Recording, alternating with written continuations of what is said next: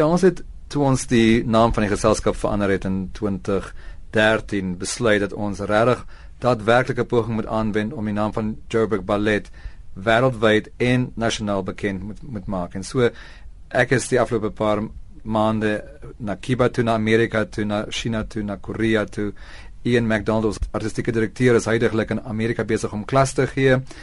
En dit is vir ons regtig belangrik om die naam so ver as moontlik as 'n goeie geselskap gevestig te kry. Nou wat tydens hierdie besoeke bespreek julle? Is dit net om die mense te ontmoet en te sien wat op die ballettoneel aan die gang is of wat gebeur verder daar tydens die besoeke? Dis redelik veel vlakkig. Dis nommer 1 om byvoorbeeld een waar hy nou klas gee in Amerika is om te wys dat ons inderdaad oor sekere tegniese vaardighede beskik, dat ons goed is in wat ons doen En dan vir my is dit gaan dit altyd oor die strategiese beplanning om seker te maak ons maak nuwe bande vir die toekoms wat ons dansers Suid-Afrika toe kan bring, ons eie geselskap oor see kan neem. Die feit dat Bernice Silvius onder andere na China toe is, is as gevolg van die kompetisie wat in 2012 en 2014 in Suid-Afrika plaasgevind het waar die artistieke hoof van die Shanghai Ballet een van my beoordelaars was en ek kon haar toe vra om te sê kan nie van ons dansers begin China toe vat nie want ek ek wil daadwerklik 'n groot poging aanwend om bande te smee met China soortgelyk aan die met Cuba. Dit is 'n politieke besluit, dit is 'n talentbesluit hmm. En op eintlik ek glo ook dis 'n finansiële besluit. Kom ons staan stil by Bernice Silvius. Sy is nou op die oomblik oor see. Sy is genooi om Giselle te gaan doen in Shanghai en te dans met een van die hoofdansers van die Shanghai Ballet, uh, ook genaamd Tiger. En is my ongelooflik die eer wat dit vir ons land bring, maar ook die feit dat China nou anders na Suid-Afrika kyk. Mense verstaan nie altyd mooi hoe die buitewêreld na ons land kyk as jy nie self buiteland toe gaan en dan hoor wat hulle sê nie.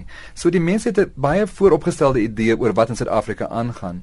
En as 'n topballerina dan skielik op hulle verhoog stap en baie mooi dans, verander dit daadwerklik die opinie. En hulle besluit dan ook dat dit 'n land is waarmee hulle meer wil besigheid doen. En dis my wou dit gaan. Nou Cuba het 'n baie sterk ballet tradisie, maar Angela Rivi is op die oomblik daar om Suid-Afrika te verteenwoordig as dit ware in Cuba. Ja, ek ons het so 2 en 'n half jaar gelede begin om die Kubaanse skool by die geselskap te bring waar ons ons ontwikkelingskinders en kinders van die publiek genooi het wat veral die jongeres wat super talentvol is en wat ons voel uitstekende opleiding nodig het. En so Angela Rivi het, ons toe so jaar gelede die hoof van ons Kubaanse skool gemaak En sedert 2009 is sy blootgestel aan die Kubaanse metodologie. Maar ek het het gevoel dat daar is 'n samekoms van onderwysers van reg oor die wêreld in Kuba en ek wou gehad het Angela moet gaan sien hoe 'n klas gestruktureer word, hoe die klasse saamgestel word, wat hulle doen om die wonderlike dansers van Kuba in Suid-Afrika te kan oplei. Ons moet ons eie Suid-Afrikaners kan op dieselfde vlak bring. Ons wil nie al die dansers altyd invoer nie. Ons wil hê ons eie dansers moet wêreldstandaard wees en op moet ons van ons eie dansers kan uitvoer na die res van die wêreld. So dit was hoekom ek gevoel het Angela moet Kiba toe gaan en ehm um, ek dink die die die leer wat plaasgevind het is ongelooflik. Van die dansers neem ook heelwat aan heelwat internasionale kompetisies deel. Dit is ook seker baie belangrik vir hulle in terme van ondervinding en blootstelling.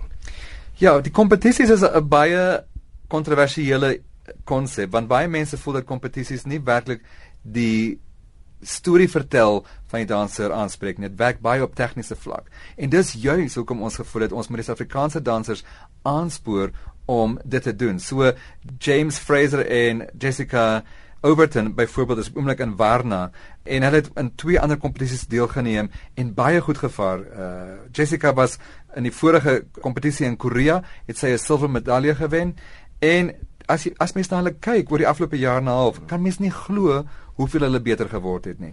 Want as jy nie 'n hoofdanser in 'n geselskap is nie, dan sien jy heeltyd die hoofrolle nie en werk jy nie aan die hoofrolle nie. En in die kompetisies kry jy die geleentheid om daaraan te begin werk en jy kry die ons ons ons staan ons ons ons bestuur af en ons afrigters af om hulle te help om voor te berei. So skielik kry James en Jessica en die ander kompetisiedansers die geleentheid om die swart swaan of die die paradise uit uit, uit verskillende ballette baie meer intensief te leer. So tegnies word hulle beter, emosioneel word hulle sterker en elke kompetisie wat hulle doen, word hulle beter en hulle bring daai wonderlike ervaring terug Suid-Afrika toe en deel dit met ons Suid-Afrikaanse dansers en ons Suid-Afrikaanse gehore.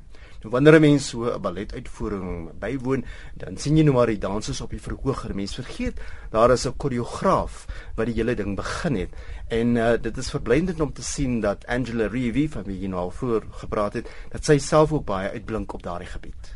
Ja, dit is interessant want koreografie is so persoonlike ervaring en so moeilike konsep om te sê is dit 'n goeie koreografie of 'n slegte koreografie. Met koreografie vind jy eers reg uit 10 jaar later as dit nog steeds bestaan of dit goed of sleg was.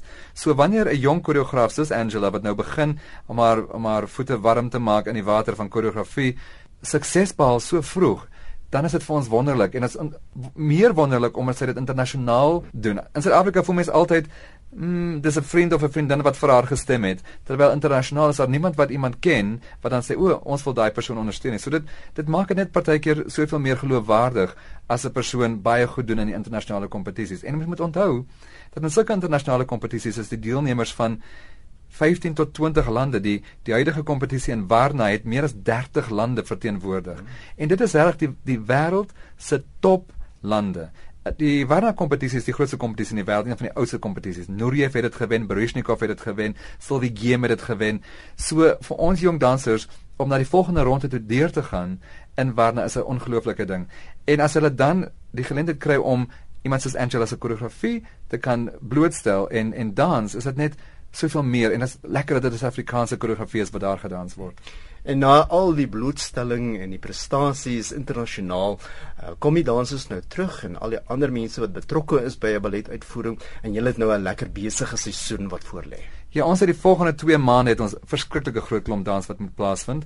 Ons doen die 15de tot die 17de Augustus die Celebration 6 seisoen en dis 'n samestelling van ons kontemporêre werke. Hierdie werk van Angela wat uh, pryse gewen het oor see, Michael Reeve het nuwe werke geskep. Ons het in 2009 vir Mzansi Produksies het ons 'n stuk van Chopin se musiek gedoen en dit is regtig regtig neoklassiek met pragtige musiek en dan sit ons die die Romeo and Juliet parade wat ons met Kiba toe vat in in Oktober is deel van die program. Kort daarna sal ons dan die Suid-Afrikaanse Neuterkraker opvoer en in dieselfde seisoen die ongelooflike vollengte produksie van La Bayadère. En dit is my ongelooflik lekker om dit te sien want die kostuums begin nou vorm aan. Ons maak nuwe kostuums, ons het nuwe dekorstelle daarvoor. En dit is wonderlik dat ons in 2014 'n nuwe ballet in Suid-Afrika kan opvoer. Dirk Badenhorst van Joburg Ballet, baie dankie. Baie dankie, Terence.